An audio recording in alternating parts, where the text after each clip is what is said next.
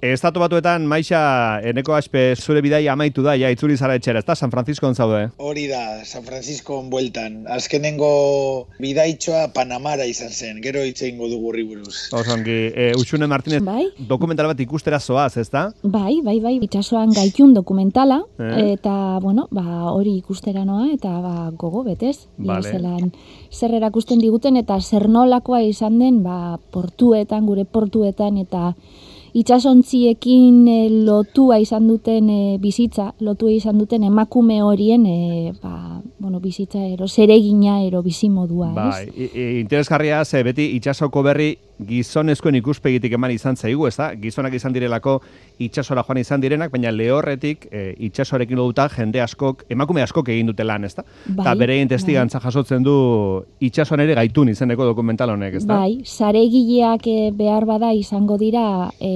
askorentzako ezagunenak ero, Bai. ez? Baina horratzean e, makinatxo bat emakume ibili dira e, portuko zereginetan, ez? Itxaso inguruan eta portuetan eta ibili diren emakumeen zeregina bizimodua eta bai ibilbidea zer nolakoa izan dan, ez? Vale. E, erakusten du. E, zinea eta dokumentalak eta aipatuta, Bai. e, adineko personak edo nagusiek esango dute, ba, gaur egungo filmak, ba, garai batekoak bai ona, garai batekoak bai Oh, ona, garai bateko filmak, garai bateko aktoreak, John Wayne bat, Hori Sofia bai, Loren bat, ez da, bai, horiek, haiek bai, bai, bai. aktoreak, eh? Bai, bai. Esango dute, bai, garai bateko filmak bai onak, garai bateko musika bai ona, garai bateko dotorezia, ura bai dotorezia, Ez dakigu hortan arrazoia baduten ala ez duten, baina gauza batean behintzat badaukate arrazoia eta da. Ezaten digutenean orain udaberria lehenago iristen dela, ho- hortan arrazoia daukate, Bai, ezta? Hortan bai, bai, ez? bai, Besteak, bai, bai. beste debate hori ja pizkat erlatiboa dira, baina udaberriaren kontuan, esaten bali digute gaur egun eh, adinekoak, ai, gaur egun udaberria lehenago hasten da, hortan arrazoia daukate. Bai, bai, izaso hartako udaberriak, ero euren garaiko udaberriak bestelakoak ziren, ez? Eta esango nuke urtaroak e, oroar, ba, duela mende bat, ba, beste ezaugarri batzuk zituela, ero erakusten zituztela, ez, urtaroek, ez? E, kontua da, bueno, ba, zelan dakite hori zientzialariek, ba, batez ere urtaroen erritmoekin zerikusia duten fenomeno biologikoak daudelako, ez? Hau da, noiz loratzen diren landareak, noiz bilusten diren esaterako zuaitzak, ero noiz aldatzen duten kolorez, e, noiz irtetzen diren ugastunak losorrotik, e, noiz datozen e, egazti jakin batzuk e, gurera ba, e, uda pasatzera, ero noiz joaten diren leku epeletara hemen negua etortzear dagoenean, ez borrelako fenomeno biologikoak zikloko, zero, ziklo bakoitzan ematen direnak editugu, ez? Urtaroaren erritmoekin bat egiten dutena. Eta kontua da, bueno, ba, badagoela zientziaren adar bat, fenologia deitzen dana, eta fenologiak, ba, aztertu egiten dituela Mm. fenomeno biologiko horrek, ez? Ba, urtaro erritmoarekin egokituta agertzen diran, ero agertzen diren fenomeno horiek. Ja. Esan dugun bezala, ba, bueno, ba, urteko landareak, intsektuak eta hoien ziklo biologikoak, zuaitzen eta zuaizkenak, eta e, Eta fenologiak ikusi du urtaroa pixka bat e, oigotik mugituta Bai, dauzkagula, ez? Bai. Kontua da, bueno, ba, batez ere oso informazio garrantzitsua da, ba, klimaren azterketa eta e, bueno, ba, horrelako e, nolakotasuna ero e, jartzen duelako ere mai gainean eta baita ere, bueno, garrantzitsua da nekazaritzarako. E, honelako em, aldaketek eta e, bueno, ba, fenomeno biologikoen aldaketek basaten dute urtaroetan ere zerbait gertatzen dela, ez? Eta horrek eragina du laboreetan ere. Bueno, ba, kontua da, e, fenologiak hori aztertzen duela, eta batez ere, bueno, ba, badaudela urtean zehar txosten fenologikoak ero argitaratzen dira, ez? Horren jarraipena egiten dute esaterako ba, meteorologia agentziek. Kasu honetan, AMT, e, estatuko ba, meteorologia agentziak, Agentziak, bai. bi txosten argitaratzen ditu urtean zehar, eta da bat e, udaberriari lotutakoa eta bestea udazkenari e, lotutakoa. Bueno, ba, azken txostena ikusten bada, 2008 bateko azken txostena, bertan esaten zuen, hainbat gauza esaten zituen, ez? Mhm. Adibidez, arreta ero ditu zidan, esaterako, aipatzen zuela, urriaren erdialdean, esaterako, zuaitz batzuek orain dino udari dagokion, ero segokion ostoen kolorea zutela. Ez? Hau da, ja pigmentua aldatzen joan behar zirela urriaren erdialdean, eta txosten horretan, aipatzen da zelan, kasu batzuetan orain dino ba, berde zeuden, ez? Beraz, Osto urrian, oraindik ere, udako aztarnak bai, ikusi dira. Bai, bai, Mm. esaterako, ba hori aipatzen zuen e, txostenak, ez? Eta esaterako beste gauza bat aipatzen zuena esaten zuen, ba kantauriko isurialdean temperaturak nabarmen igo zirela, e, izotza eta antzigarraren gabezia eman zela, eta horren ondorioz, ba, esaterako urritzak, kaltzak eta belar espezie ugari, ba, goiz loratu direla, ez? E, kasu horretan. Bueno, ba, negua antza, txosten honen e, arabera, esen izen bain negu latza, ero negu mina, e, temperaturak igon egin ziren, eta horrek desorekak eragin zituen, bai animalien eta landaren bizitzan, ez? Horrelako ziklo biologiko normaletan, ez? Eta erritmoa aldatu egin zuen. Zer gertatu zen, bueno, ba, neguan ero e, erritmo aldatu bazen horrek ekarri zuen ere udaberriarena ere aldatzea. Ba, udaberria animali askorentzako eta hainbat landarentzako, ez, arinago heldu zelako, ez? Ba, segokiena, baina hilebete arinago. Hori da kalkulatu dutena. Bueno, da zer e, suposatzen du? Bueno, ba, e, ikerketa honek ero datu honen bilketak egiten dira duela urte asko. Esaterako 2000 garren urtean eskala handiko aldaketa fenologikoen emaitza plazaratu ziren, ez? Hainbat eh, datu bildu ziren eta 2000 garren urtean ba, plazaratu egin ziren.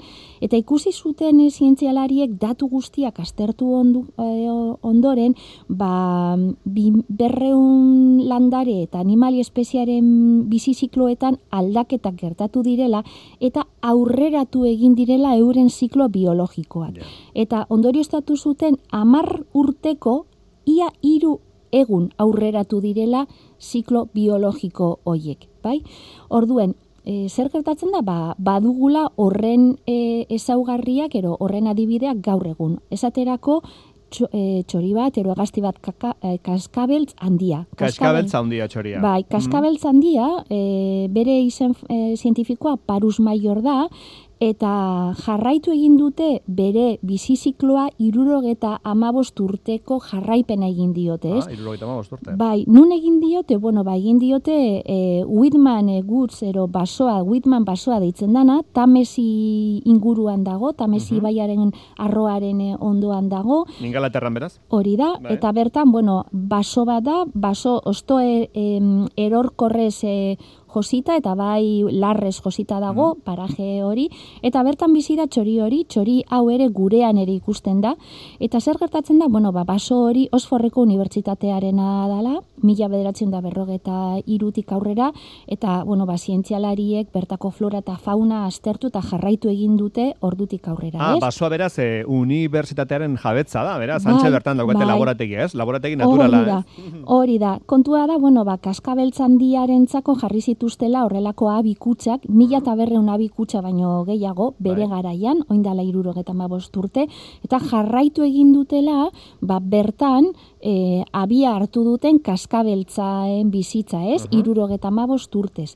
Eta zer ikusi dute? Ba, irurogeta urte eren poderioz, ba, errunaldia eta, eta txitatzeak e, aurreratu egin dituztela hilabete bat. Hilabete bat. Mila bederatzerun eta berrogeta, iru, e, berrogeta irugarren urtean, lehenengo arrautza jaso zuten, e, jarri zuten, kaskabeltzek, kaskabeltzandiek, e, Aha. baso honetan, apirilaren amaieran.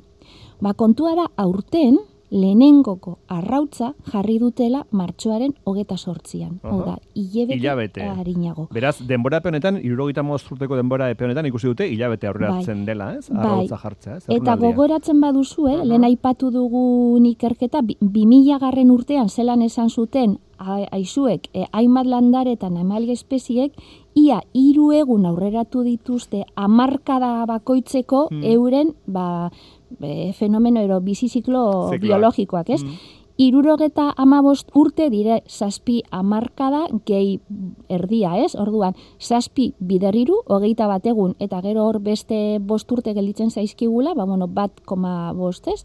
Orduen, hori, hogeita e, irur, aste, ba, formulak ematen du, ez? Uh Oindala, e, hogeita bi urte esan zuten formula hori, eta gutxi gora bera, egiten badugu, kaskabeltzen kasuan egiten badugu hori, bai. ez, biderketa, ba, ematen du, ez? Zientzialari ikuste zuten, hau gertatzen dela, hau da, e, ziklo honen aurrerapena gertatzen dela, klima aldaketaren batik, eta batez ere temperaturak igo egin direlako, batez ere, bueno, ez, ba, gure hemisferioan, iparraldeko, bai. uh ipar hemisferioan igo egin direla. Temperatura igo delako. Bai, baina kontua da, duela gutxi, beste ikertzaile batzuk, Bartzelonako e, ikerketa talde bat bertan dagoela, uh unibertsi, hainbat unibertsitateko ikertzaileek, esan dute, baiet, temperatura igoerak e, egiten duela hau ez, e, aurreratzea e, bizi zikloak ez, urtaroari lotuta daudenak. Bai. Baina, esan dute, zikateak ere, badirela esaterako udaberri goiztiarren eragilea. Ja, lehorteak edo hori gutxi egitea. Bai, lehen aldiz lotu dute horrelako gauza bat, ba, bizizikloen ero aurrerapenarekin, ero urtaroen, urtaro goiztiarren esnatze honekin, ez? Ikusi dute, bueno, ba, e, azken hogeita mar urteetan murriztu egin dela euriten maiztasuna ipar hemisferioan. Eta honek eragin egin diola landaren egutegin naturalari. Ba, neguan euri gutxi egiterakoan, ero gutxiago egiterakoan, zeruan odei gutxiago ditugu. Mm. Eta zer gertatzen da, bueno, ba, besteak beste, eguneko eta gaueko temperaturan artean kontraste gehiago ematen dela. Baina baita ere, eguzki erradiazio handiago dagoela, ez dagoelako odeirik zeruan, ez? Ja, ja, ja, Guzti honek, hau dena nahaztu, eta zer gertatzen da, ba honek eragin egiten duela, landareetan, zuaitzetan, eta animalietan, nahaztu egiten dituzte, uste dute udaberria iritsi dela sasoia baino harinago, ah. garaia baino lehenago, eta hori dela eta loratzen dira harinago, etortzen dira harinago gure eratxoriak. Horregatik ateratzen dira igual, e, gero talenago e, San Jose loreak igual, ez? Bai. Uxune. Ero kukua entzuten dugu harinago, esaterako. Bai. Eta enarak ikusten ditugu ere behar bada harinago, eta bai. Eta San Jose Lorena, aipatu duzula manu, bai. oso oso berezia da, ze San Jose Lora bai da udaberria iragartzen duen lora bat. Bai. Normalean, bueno, ba, otzailean erdi inguruan ikusten izen dana, ero ah. behar bada urte harriaren amaieran, baina gogoan nuen Twitterren ikusi izana, hainbat argazki San Jose Lorenak, ez, e, ba, sasoiz kanpo, ez? Eta egon nintzen begiratzen ia e, noiztik agertu izan dira e, argazki hoiek zareetan, eta aurkitu nituen 2008 eta 2008ko argazkiak, jada, abenduaren erdia, hau da, Santa Lucia egunean, hmm. San Jose Lorak loratuta. Beraz, imaginatu, ba, neguan bertan, negua orain dino bukatzear zegoela, bai. San Jose Lorak izan ditugu, jada loratuak, ja, ez? Beraz, e, natura daukagu erabat hankaz goratuta, eh? Bai, eta Bartzelonako, bueno, Kataluniako e, ikertzaile honek esaten dute, bueno, ba, e, zikateak de direla eta ez, mm. e, egin dute horrelako aurrerapen bat egin dute, eta kontuan izan dute, espero diren, ba, euri maiztasunaren murrizketa ez, aurrikus egin dute, bueno, zenbat murriztuko den are gehiago ez, ba, euria ez, e, neguan, eta esan dute, bueno, ba, ikusita zeintzuk diren, e, ba, perspektibak ero etorriko dena, ez? Bai. Kalkulatu dute udaberri biologikoaren aurrerapen gehiago era, gehiago aurreratuko dela hemendik aurrera e, udaberriaren etorrera, ez?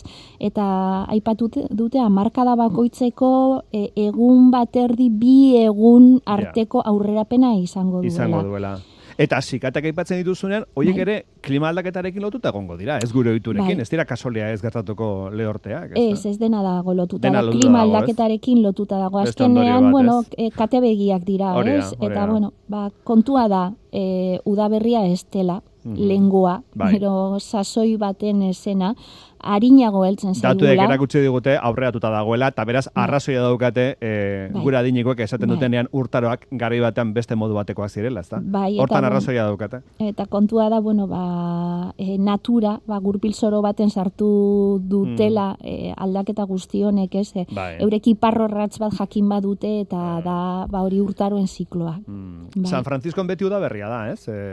E, e, maixa, eneko, ez? Bai, Beti, ez? Kanarietan bai, bai. bezala, ez? Beti ondartzan, ez? Urte osoa, ez? Baino jantzian, Ez, ez? ez, ez, ez. Hori, hori Los Angelesen da. Ah, vale. Hemen San Francisco ne hotz handiago egiten du, eh? Ja. Bai, gabero txaketa behar dozu. Baina bai, a- asko be pelagoa da. Ja, ez pelagoa da, ez du, Bai, bai. ez du ia euririk egiten. Bai, Bai, bai. bueno, ez, ez, ez, da, daude- ez da bromak egiteko kontua, eh? E, Bai. klima aldaketarena hemen mila alizitze egin dugu, eta segiko dugu izketan horretaz, baina, bueno, ba, kontu zibili barrekoa da, bueno, kontu zibili barrekoa. Neurriak hartu behar dira, maixa, bestela honek ez dauka, ez dauka kaberarik, ez? Bai, bai, hemen e, gainera jendea asko be neurri gehiago hartzen ditu ba, beste leku batzuetan konparatuta, ba, asko be e, ibilgailu elektriko gehiago ikusten dira, e, ba, jendea gero eta barazki gehiago jaten ditu, lokalak, denboraldikoak, e, ok- Mhm. okela gorri gutxiago, eta bar, baina baritzen dela ba, neurriak hartzen ari direla hemen San Franciscoko badian. Mhm. Esan dugu Latin Amerikan ibili zarela, hitz egin zenigun e, Peruri buruz, aurreko batean, e, Cuscori buruz, Machu Picchuri buruz, itzuli zara, eta hitz egin nahi diguzu Panamari buruz, ez dakit Panamatik ere pasatu Bai. zaren? Panamako, Bai, bai, bai. Ah, bai, eh? Panamari izan zara baita, ere? Hori izan zen azkenengo e, bidaitxua. Ba, joan nintzen Txiletik Perura eta Perutik Panamara eta eta bertan egon nintzen ba, nire Bilboko lagunarekin, Iker Uriarte bertan bizi da, ba, ba, bertara joan zen orain dela hamar urte eta bertan gelditu da. Eta berarekin joan nintzen Panamako kanalera. e, mundu modernoaren zazpi mire, mirarietariko bat da, zergaitik eta munduko ubide artifizial nagusiena delako eta ingenieritzarako, edo ingenieritzako mirari bat da ere bai, Mhm. ba, munduko ingenieritza proiekturik e, komplejuenetariko bat izan zelako. Kontua da, Ozeano Atlantikoa, Karibe itsasoa eta Ozeano Barea lotzen dituela ubide artifizial honek, Mhm. eta horretarako eraiki zen, ez? Itsas komunikazioen denbora eta distantziak ba, nabarmen e, murrizteko. Emeretzi garren mendean, e, prestatu zuten e, Ameriketako estatu batuetako e, ba, bueno, i- beraiek izan zuten ideia garai horretan Panama amerikanoa zen, Ameriketako estatu batuetakoa, eta nahi zutena zen hornos lurmuturra edo artikotik ez pasatzea, joan behar zirenean ba, Nueva Yorketik San Franciscora eta San Franciscotik Nueva Yorkera. Hau da, e, gutxi gora bera, sortzi mila itxaz e, mila aurrezteko, hau da, kilometrotan ama bos mila kilometro e, e, aurreztuko ziren.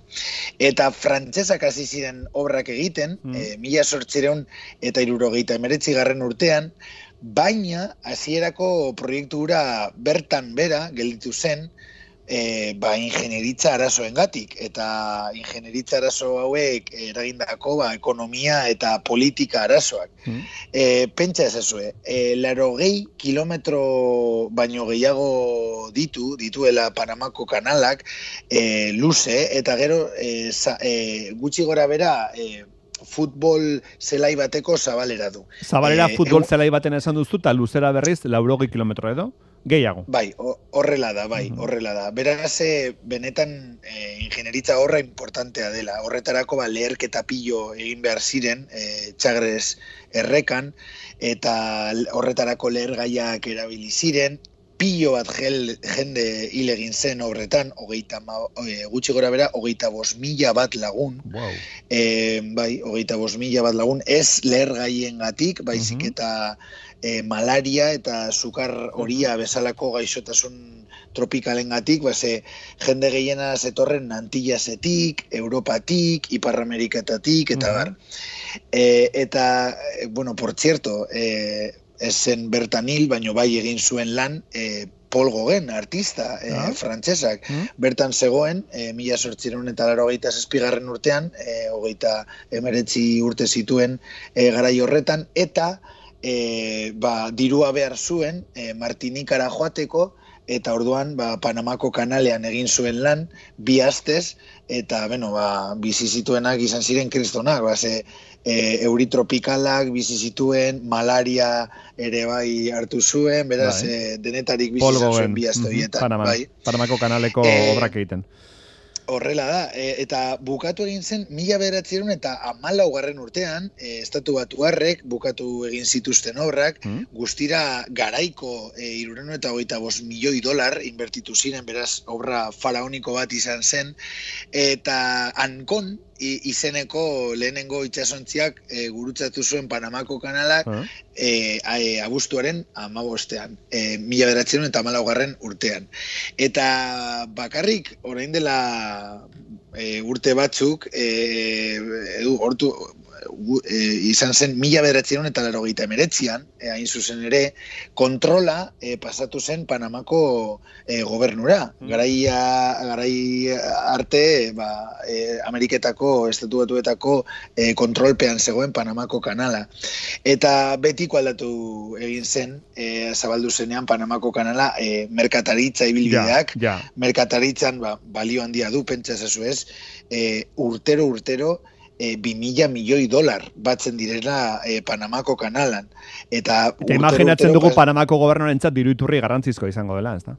Imaginatu, e, ganera e, kontainerrez beteriko itxasontzi handienek e, ia milioi erdi dolar ordaintzen dituztela e, Panamako kanala gurutzatu ahal izateko. Mm. Hoiek dira tiket garestiena, gutxi gora bera milioi erdi. Bai. Eta, por cierto, tiket merkeena, mila bederatzeron eta e, hogeita sortzian ordaindu zuen e, eh, Mr. Halliburtonek mm. e, base, ba, ganera bakarrik hogeita amasei zentimo dolar eta zergaitik hain gutxi base igeri egiten gurutzatu zuelako e, Panamako ah, bai? kanala bai? E, mm. bai, bai e, eta bai, esan bezala e, ba, pilo bat e, tona pasatzen dira urtero, e, iruraun eta berrogei milioi tona e, gutxi gora bera, eta, klaro, kontua da, alternatibak asko begarestiagoak direla. Amerika iparretik edo egon muturretik e, inguratu behar, beharrean, ba, erdi erditik zeharkatzea al, albidetzen duela bai. e, Panamako e, kanalak. kanalak. Iru eta ingenieritza arloan, iru e, esklusagune, mm -hmm. eraike ziren, hiru esklusagune nagusi daude ubidean e, Gatun, Pedro Miguel eta Miraflores. Eta azkenengo horretan egon nintzen ni, e, eta ganera kriston sorte izan nuen, base itxasontzi bat e, gurutzatzen ikusi nuen. Mm. Eta oso oso bitxia da, ingenieritza atletik zelan funtzionatzen duten. Mm -hmm. e, bueno, lehenik eta behin, e, piloto batek, ez kapitain bat, bueno, kapitana izango den ere bai, baina piloto batek hartzen du itxasontzia, e, eta berak zeharkatzen du. Ez da, ez da mm. itxasontziaren kapitainak zeharkatzen duena, baizik eta kanaleko piloto batek. Bueno, kontua da, esklusa hauek e, bikoitzak direla. Ez? Ordun, lehenik eta behin e, ate bat zabaldu egiten da, orduan itxasontzia sartu egiten da, mm. atzeko ate hori itxe egiten da, eta aurrekoa zabaldu egiten da. Eta orduan, ur guztia jeitxe egiten da. Ah. Eta e, horretarako, e, bueno, denbora, bueno, pa, e, Panamako kana guztia zeharkatzeko, amar ordu bat behar dira, e, eta ikusi nuen, e, zuzenean, zelan, itxasontzi haundi bate gurutzatu zuen eta eta e, esklusa horrek ba ur guztia bota egin zuen poliki poliki itxasontzia e, jeitzi izateko eta gainera os, o sea, zientzia aldetik oso oso e, arrigarria da, base, eta hau bertan ikasi nuen. Kontua da, e, Pasifikoa eta Atlantikoa ez dutela maila berdina. E, hogei zentimetrotako desberdintasun dago e, Pasifikoa eta Atlantikoa artean. Eta E, Eta horregatik erabiltzen da esklusen sistema hori, baixa? Bai, beste, beste arrazoi batzuengatik bai, e, kontua da, e, desberdintasun bat dagoela e, bi itxasoen arteko altueran, edo uh ozeanoen e, arteko altueran. Bueno, ba, kontua da, Pasifikoa, e, konparatuta Atlantikoarekin, hogei, hogei tamar zentimetro gorago dagoela. Uh Zergaitik, ba, kontua da, e, Atlantikoan ura e, uraren dentsitatea pizkat desberdina delako, pizkat e, e, bajuagoa delako. E, hau da, ba, klim, klima, klimengatik, e, ba, ozeoneren e, kondizioengatik, eta bar. Baina dentsitatea bajuagoa denez, kontua da maila desberdina dela. Eta, eta bertan ikasi nuen, ni hauen Mhm. nekien, e, itxas maila desberdina dela Atlantikoan eta Pasifikoan. Beno, ba, kontua da, amalau mila itxasontzik gurutzeten dutela urtero. E, por cierto, ia danak, euneko irurogeia joaten dela estatu batuetako e, e, kostetara. Mm. Eta hogeita lau ordu zabalik dago. E, arrigarria bada ere, amar mila pertsonek egiten dute lan bertan, e, Panamako e, kanalean. Eta, eta beno, esklusa hauetan, e, Mhm. milioika litro bete behar dira. E, Hau da, itxasontzi bat pasatzen den bakoitzean, milioika litro bete behar dira, eta milioika litro soltatu. Milioika litro bete eta milioika litro soltatu. Mhm. Eta ateak oraindik dira mila beratzeren eta amalaugarren urtekoak. Pentsa. Pensilvanian egin ziren eta eta oraindik dira e, garaikoak, beraz e, material honekoak. Bueno, Eta, bueno, ja, bukatzeko beste bitxikeria bat, Bai. e, Panamako kanalatik ikusten da egun sentia, Pasifikotik, e, edo, parkatu, Atlantikotik, eta iluna barra Mm. e, Pasifikotik. Beraz, e, gauza biak ikusi aldituzu, Bai. e, leku berdinetik, bai egun sentia eta bai iluna barra. bueno, bideiak ongi aprobetsatzen ditu Uxune Maixak, eh, zientziaz eta gauzak ikasteko, eh? Bai, bai. Uxune Maixa, boro bila pasa. Bardin, ondondo ibili, agur. bat, agur, agur.